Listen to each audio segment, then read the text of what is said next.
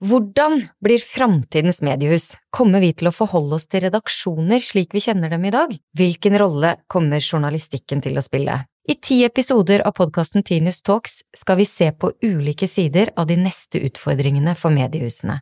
Hvem er de nye mediebrukerne, hvordan vil mediene gjøre hverdagen vår bedre, og hva vil de bety i samfunnet? Og jeg som snakker, heter Kjersti Løken Stavrum og er daglig leder i stiftelsen Tinius.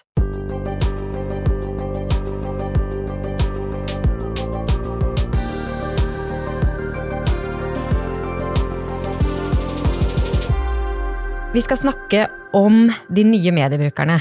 Det er jo den store utfordringen for mediebransjen, men også for mange andre bransjer, tenker jeg. Og der er det altså en som vi er nødt til å snakke med, som jeg tenker at må ha drømmejobben. Anders Grimstad, du er Head of Tech Experiments i Skipsted. Mm. Det vil altså si at du leder arbeidet med teknologieksperimenter, hvis vi skal oversette det rett til norsk. Det må jo være ganske ålreit? Det er ganske gøy, det. Det er et ganske ungt team eh, hvor vi får lov til å jobbe på tvers av Skipsted. Med å bygge prototyper og eksperimentere med ting som man ikke ellers ville sett på.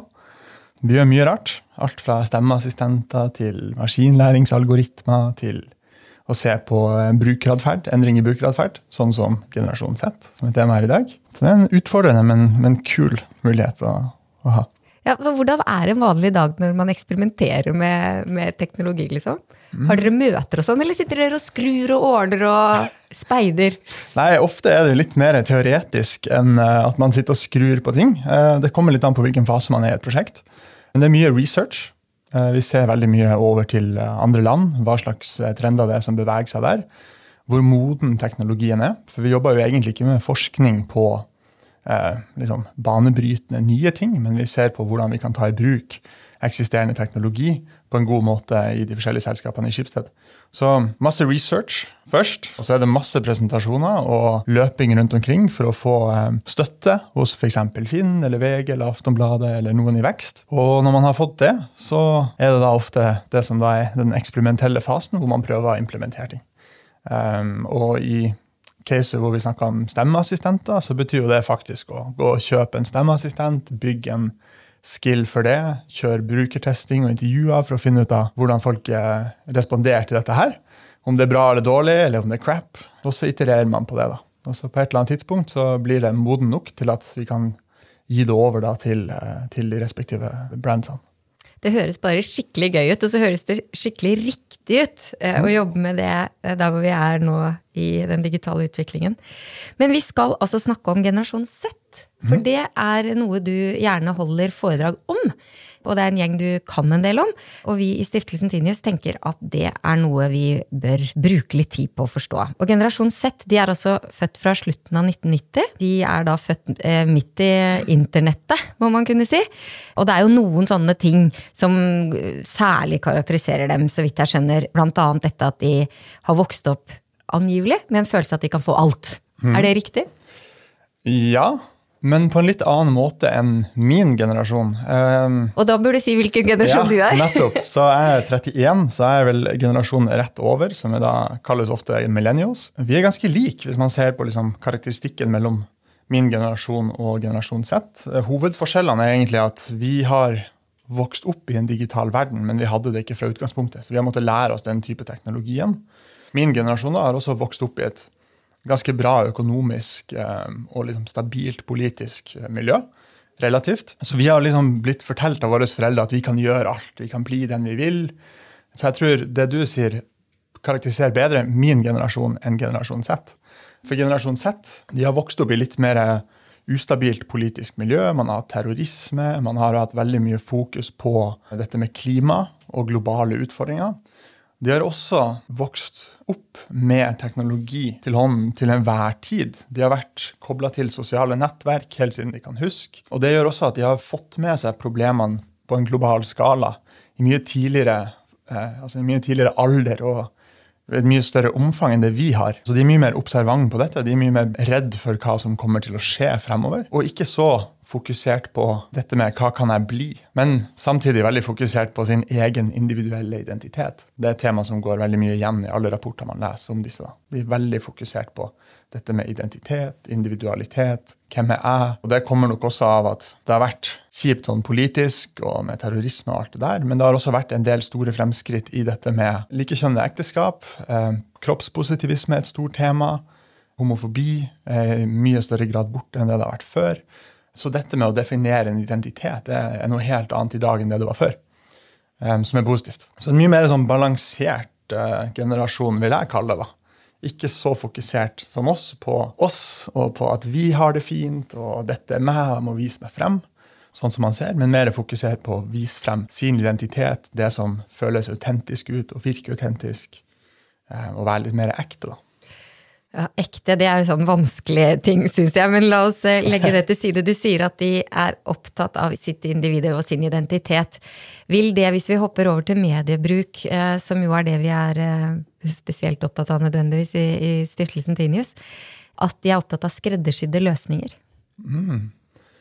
Ja, det vil jeg si, til en viss grad. Um, det er dessverre litt lite studier på medieatferd som ikke er basert på tradisjonelle medier. Så jeg tror det er vanskelig å dra noen konklusjoner nøyaktig på hva slags type innhold er det de faktisk foretrekker. Fordi det er litt for lite, de er litt for lite eksponert til alternative medier da, eh, i forhold til det tradisjonelle. Det man kan si, er at generasjon Z har vokst opp med sosiale medier. Sosiale medier har helt andre mekanismer for å få frem og vise frem innhold enn det vi er vant til. Det vil også si at man har mange ting som er annerledes. Man har eh, dette med sosial kurering. Man følger andre for å kurere sitt eget innhold. Man er veldig vant til video og levende bilder, giffer. Man har også et helt annet forhold til dette med å kunne dele ting. Um, og det tror jeg man ofte glemmer, for dette er en ganske kreativ generasjon. Og dette med liksom å ta en vanlig artikkel, og så reposter du den. Men idet du reposter den, så legger du til dine egne effekter. Du skriver overskrifter. Eh, du legger på filter. Du kan liksom gjøre det til noe ditt eget. da. Den muligheten finnes ikke i tradisjonelle medier. Nei, og dette åpner jo en helt ny verden, tenker jeg, for en f.eks. avis. Mm. Hvor den ble skrevet og laget i går. Distribuert i løpet av natten, gjerne. Og, og der ligger den. Og, og, hvis du skal dele den, så må du selvfølgelig ta bilde av artikkelen. Mm. Har avisen i det hele tatt noen sjanse i møte med den generasjonen? Uff, det er et vanskelig spørsmål. Det er veldig mange forskjellige teorier på hvilken tilnærming som er en bra tilnærming her. Det er mange bl.a. Ben Thompson, som ikke er så positiv til generelle nyheter, som mener at man burde fokusere mer på nisjer. Kvitte seg med med høy teknologisk overhead eh, i form av store investeringer i store plattformer osv. Fokusere på én nisje, målrett det, eh, og ikke skrive om generelle nyheter som alle andre dekker. Da har du en mulighet til å nå en, en nisjemarked i større grad. Og der finner du denne generasjon Z i en nisje, tror du, eller nei? Det høres ut som du utfordrer det, egentlig. Ja, Nei, jeg tror egentlig litt mer på det. Det som jeg tror er en litt farlig tilnærming til mange mediehus, er det at man tenker at det er vi som skal kurere innholdet. Og hvis man ser på sosiale plattformer, så er det brukeren sjøl som kurerer innholdet i stor grad. Mange diskusjoner her vi kan ha i forhold til algoritmer og algoritmestyring. Men i stor grad så er det basert på følgerkultur. Og hvis du har nisjer med veldig dedikerte områder, så er det lettere for en bruker å kunne følge personer de er interessert i. Og det er ikke så lett hvis man har en, en egen plattform, en generalistplattform med noen nisjer, og som ikke er lagt opp for sosiale følgemekanismer. Det blir veldig vanskelig å kunne kurere din egen feed. da. Men for meg som Jeg er for øvrig generasjon X. Ja. så her har vi to generasjoner som snakker om en tredje. Men det som jo er det fantastiske med det tradisjonelle medier kan tilby, sånn som snakk ikke er i bransjen nå, er jo eh, redaktøren som mhm. kurerer redaktøren, som er ansvarlig for innholdet. Men det du egentlig sier, er at generasjonen Z vil være mye mer interessert i enkeltpersoner i nisjer. Så den altoverskyggende store redaktøren, det er kanskje en litt for stor oppgave å påta seg i det bildet, eller? Nei, der er jeg faktisk også enig, som igjen Så du snakker litt mot deg selv? Nei, ja, e egentlig. Fordi ja. det burde egentlig sagt i stad. Definisjonen på nyheter er veldig vag. Hva er en nyhet?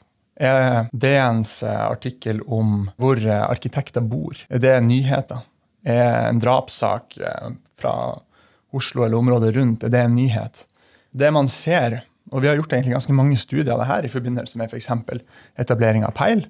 Eh, Peil, som jo er VGs eh, moderne nyhetsformidling for unge folk. Riktig. Ja. Der var vi litt tidlig ute for to år siden, hvor man da så på brukervaner og lesevaner til unge brukere.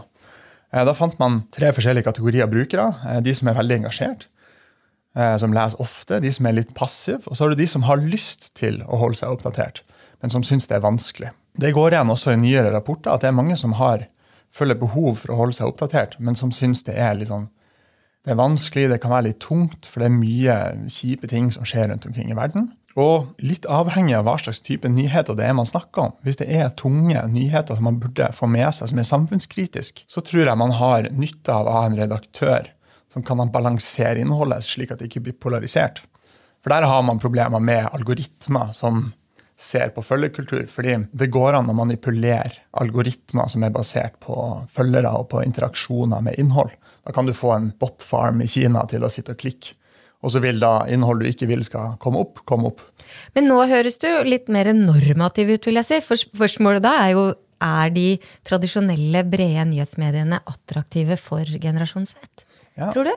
Og det er et veldig interessant spørsmål, syns jeg. Fordi det må vi jobbe veldig mye mer med. Jeg tror ikke vi helt skjønner hvordan vi skal gjøre tradisjonelle, la oss kalle det litt kjedelige, tørre nyheter som er viktige, attraktive for unge brukere. Uavhengig av hvilken rapport man leser, så går det igjen at nyheter oppfattes som et stykke arbeid for unge. Å holde seg oppdatert. Det er ikke noe man gjør med glede, og det merker jeg òg i større grad. at... Det er tran, liksom? Ja. Jo kjipere verden er, jo tyngre er det å lese nyhetene. Og det er vanskelig å liksom sette seg ned av og til og skal åpne avisa, så får du kjip sak etter kjip sak. Og her har man egentlig ikke noe godt svar. Man har gjort noen tester. Man har testa Peil, dette kortformatet mot unge brukere, funker ganske bra. Det er mye mer visuelt. Det er korte tekster. Det er en type swipe-format som man er kjent med i sosiale medier. Engasjerer ganske bra. VG har også et Snapchat-initiativ som gjør det enormt bra. Siste tallene jeg var, var over to millioner månedlige brukere, som er helt enormt i Norge. Men det er svært, egentlig. I et land eh, med underkant av fem, eller rundt der. Ja, ja. Mm -hmm. så, eh, så, de engasjerer veldig, veldig bra. Der er det en god blanding av underholdning og litt tradisjonelle nyheter. En veldig morsom ting jeg kom over for ikke så lenge siden, var NRK har en TikTok-profil hvor de lager tisekunders klipp hvor de egentlig lager en parodi på nyhetene. Det er kjempedumt. Men det er, det er ganske gøy. Og de har jeg tror de har 150 000 følgere på TikTok. Det er mye mer enn noen andre Skipsted-sosiale mediekanaler har. Ja. Så det, det, eksperimenteres litt med formatene her, men vi har ikke funnet helt den riktige formen. Og kanskje litt av grunnen til det kan også være dette med at vi er ganske redd for å miste vår posisjon som en eh, destinasjon.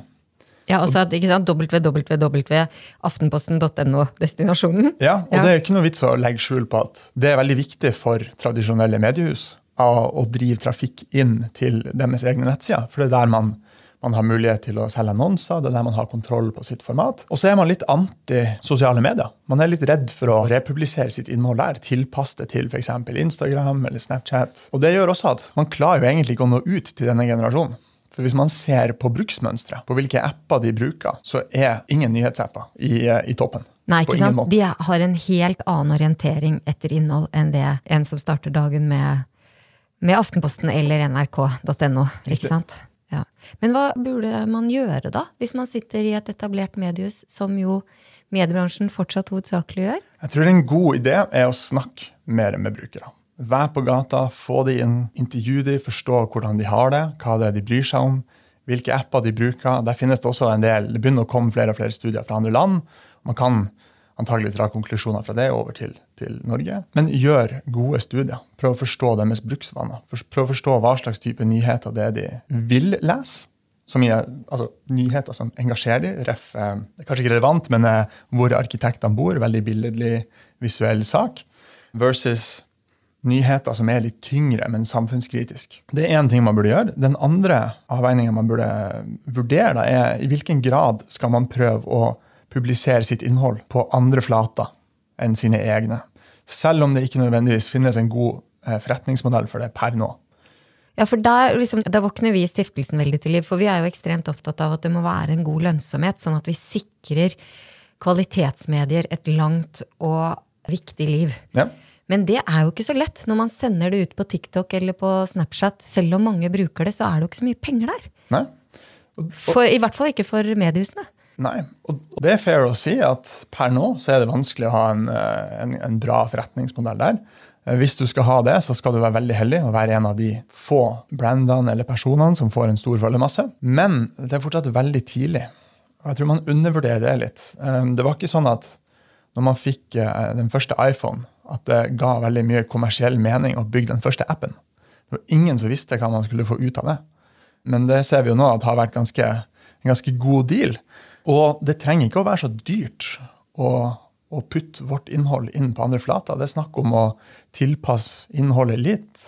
Kanskje ha en journalist eller to som spesialiserer seg i større grad på dette. Og vi kan alltids pull, altså ta ut pluggen på, på godt norsk. Hvis ikke det funker, ja. Hvis det ikke ja. funker, det er, liksom, det er ingen lock-in. Men du, et, et, veldig grunnleggende spørsmål, eller jeg har to grunnleggende spørsmål coming opp nå. Det ene er, du sa at de kanskje vegret seg, eller du sa at de vegret seg i møte med, med tunge og triste ting. Mm. Og det er jo et faktum at de etablerte mediene jo har en del å by på av den type innhold. Mm.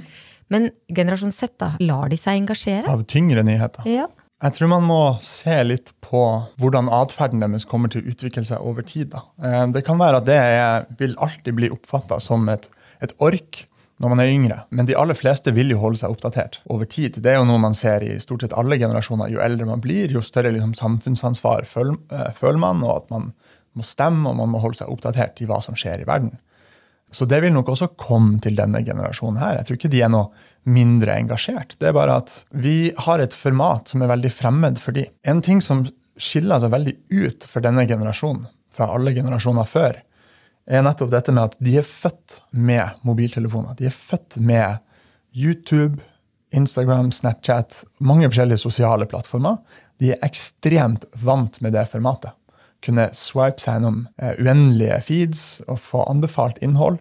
De er vant til apper som er ekstremt komplisert, som krever en interaksjonsmodell som er veldig langt foran det vi er vant til, egentlig. Hvis du ser på deres bruksmønster når de sitter på en telefon, så har de mange apper oppe samtidig, de hopper frem og tilbake. Det er veldig veldig avansert. Hvis du sammenligner det utgangspunktet med oss, så er det sånn at din generasjon og min generasjon har egentlig fått en gave fra media. Ikke sant? det, man hadde en avis som kom i posten, og av og til kom den ikke. Man bladde den opp, det var store, lange saker med bilder, det var ikke noe video eller noen ting. Og når VG eller hvilken som helst annen avis lagde en digital utgave, så kunne de gå til alle brukerne sine og si sånn Her har vi laga noe til deg, kjære bruker. Det her er dritbra. Og da var vi fornøyd. Vi har fått noe nytt. Vi har fått en innovasjon. Det er sant. Den posisjonen har vi ikke lenger. Og vi har ikke den goodwillen vi har fått pga. det. Dette er en brukergruppe som møter en helt annet, mye mer avansert digital verden før de kommer til oss. Og vi er ikke på det nivået. På ingen måte. Nei. Og da kommer det andre grunnleggende spørsmålet mitt, nemlig. Og det er jo at eh, selv om jeg har hørt flere advarer mot dette, og det er det jeg skal teste ut deg på nå også fordi man kan kanskje ha en sånn underliggende tanke om at jo, jo, de er veldig på TikTok nå, men de kommer til å gravitere mot et gjenkjennelig mediebruk når det blir litt større. Tror du det? Mm, nei, ikke egentlig. Kanskje til en viss grad, fordi de kommer til å eh, jo eldre de blir, kommer til å komme inn, miljøer, inn i miljøer der det er andre som er eldre, som har brukervaner. Og man, generasjonen Z, alt det vi snakker om nå, er jo egentlig et, et, bruksmønster. Det er jo ikke noe som er karakterisert av alder. Eh, og når de da kommer inn i miljøet hvor andre leser tradisjonelle nyheter, hvor det er hovedkilden for å holde oppdatert på jobb, f.eks., så kommer jo de selvfølgelig til å ta det i bruk. Men jeg tror ikke det egentlig er preferert kanal. Og personlig så ser jeg at mitt mediekonsum har egentlig endra seg ganske mye siden jeg har begynt å jobbe. Jeg har alltid lest mye aviser, tidsskrifter og sånt, men jeg ser mye mer på video nå enn jeg gjorde før. Og de videoene er jo i utgangspunktet egentlig ikke laga for min generasjon. Så jeg er på en måte smitta motsatt vei. Så jeg tror man kommer til å møtes en eller annen plass i midten. I en utvikling som stadig vil fornye seg. Mm. Mm. Et siste spørsmål, for jeg som sagt er jo generasjon X og, og tenker at jeg er misunnelig på de nye generasjonene som, som, du påpeker vokser opp med, må ha vokst opp med det, i dette digitale landskapet. Mm. Um, og du da som er eh, millennials, eller en millennial, ja. um, liker du generasjon Z? Ja, veldig. Jeg syns det er ufattelig kult å se på en generasjon som er så tøff, som har så sterke holdninger mot dette med identitet, dette med å være et individ. Jeg blir nesten litt flau når man ser på Så jeg går inn på Instagram-kontoene til mine venner. Så den, den generasjonen, det er bare det er bilder av pene kjærester og fine strender og flyturer hit og dit. Det er liksom helt perfekt. Og det føles ikke helt riktig ut, eh, sånn som verden går nå. da. Og jeg blir stolt når jeg liksom møter folk som faktisk ikke bare bruker ordet flyskamme, men tror på det, og som er åpne nok til å kunne uttrykke seg sjøl sånn som de er, og legge ut litt sånne ting som er kanskje pinlige, og ta opp tema som er vanskelig, og det føles litt mer genuint. De gjør det ikke på den måten sånn som min generasjon gjør det, for da føler jeg alltid det er litt sånn oppmerksomhetssøkende. Da kaster man seg mer på en trend. Mens eh, med generasjon Z føles det litt mer genuint faktisk. Verden går framover, vet du. Det er mhm. det. Takk skal du ha, Anders Grimstad, som er Head of Tech Experiments i Skipsted, for at du eh, kunne fortelle oss litt mer om generasjon Z. Mm. Eh, og så blir jo den store utfordringen å se hva vi kan gjøre med den informasjonen du har. Takk skal du ha. Tusen takk.